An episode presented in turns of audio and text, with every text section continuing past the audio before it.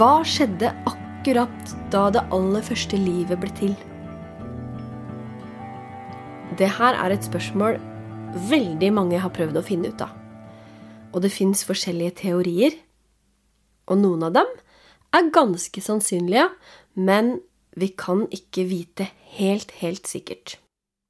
Velkommen til Naturfaghjørnet.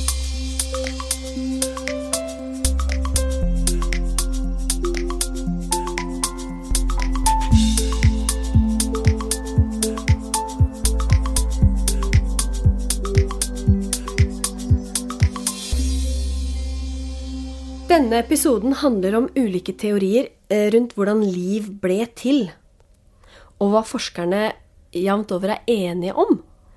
De fleste forskere er nemlig enige om at de aller første formene for liv blei til for omtrent fire milliarder år siden. Da fantes det eh, så å si ikke noe oksygen i atmosfæren, så det kunne umulig finnes liv da, sånn som det gjør nå. Og siden ikke det fantes oksygen, så var det heller ikke noe ozonlag. I dag så har vi et ozonlag rundt kloden som eh, hindrer mye av UV-strålinga fra sola å nå oss. Og på den tiden så var derfor solstrålene mye sterkere enn nå. Eh, forskerne tror òg at det var mye dårligere vær pga. det her. Annet at det var en del lynnedslag.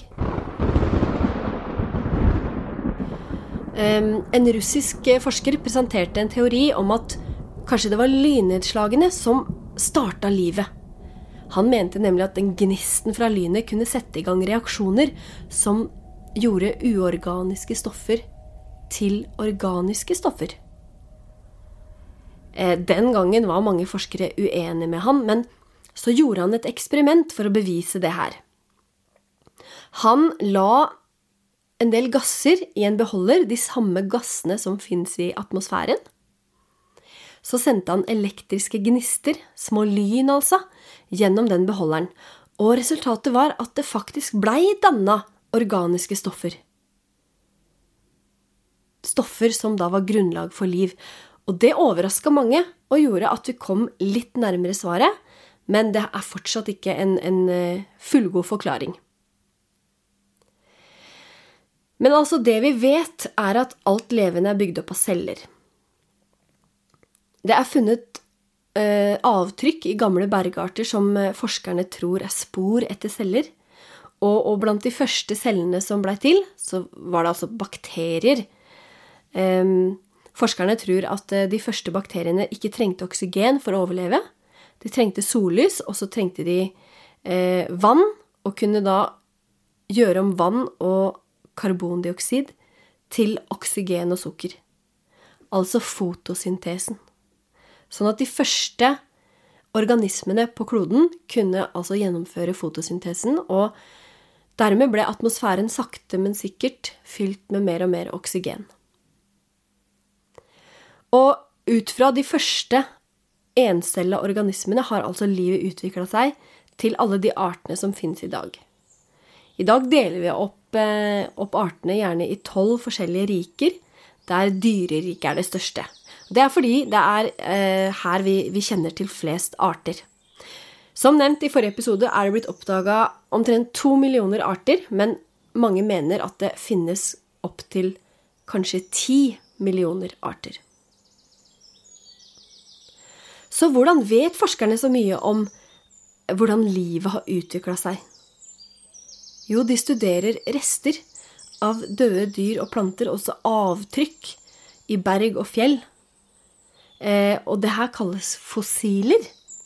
Ved å studere disse så kan man finne ut mye om skapninger som har levd på jorda før. Gjennom disse studiene ble forskere mer og mer overbevist om at artene har forandra seg over tid. Men det var mange uenig i også, for på den tida så trodde nemlig de fleste på Bibelen, og der står det ingenting om at arten har forandra seg.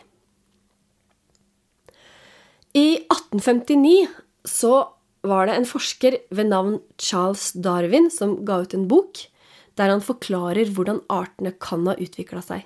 Han mente f.eks. at eh, sjiraffen i utgangspunktet hadde forskjellig lengde på halsen, Og de som hadde lengst hals, overlevde fordi de fikk lettest tak i mat. På den måten så ble gener med lang hals overført videre til neste generasjon. Darwin hadde hele livet vært interessert i naturen og hvordan artene eh, ble til, og han studerte bl.a. Eh, fugler på Galapagosøyene. Eh, en type fugl kalt galapagosfinker, og det var 15 forskjellige typer finker på de øyene her. Darwin tenkte som så at de eh, mest sannsynlig stammet fra samme type fugl. Eh, men ved å studere de så så han at de hadde utvikla seg forskjellig. De hadde ulikt nebb tilpassa det de spiste av mat, og, og levesett. Noen hadde breie nebb fordi de spiste frø, andre hadde tynne, lange fordi de spiste insekter. Og han mente derfor at arter kan utvikle og forandre seg.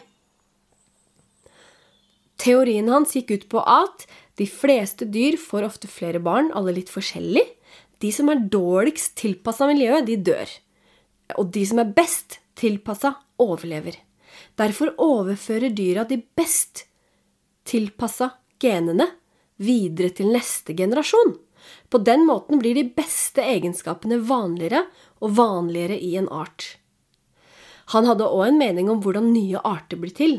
Eh, når en art blir totalt isolert i to forskjellige grupper, f.eks., for uten noe som helst kontakt med hverandre, og på forskjellige steder, så vil de utvikle seg i helt forskjellige retninger, og etter hvert bli to forskjellige arter. Samtidig som Darwin eh, jobbet med sine teorier, så var det en annen forsker som het Gregor Mendel. Han jobba med å studere hvordan egenskaper går i arv. Det her var jo på 1800-tallet, så man visste jo ikke om DNA og gener da, men man skjønte jo at man arvet egenskaper fra foreldrene. Mendel han studerte planter, annet så kryssa han røde og hvite erteblomster og studerte de forskjellige kombinasjonene. Han oppdaga hvordan egenskaper går i arv. Senere, helt på slutten av 1800-tallet, ble kromosomer oppdaga som er lange, trådlignende deler inni cellene våre. Og det skulle gå enda 50 år før man oppdaga DNA-tråden. Og det skal vi lage en helt egen episode om etter hvert.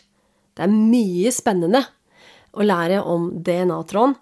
Eh, men det kommer ikke enda.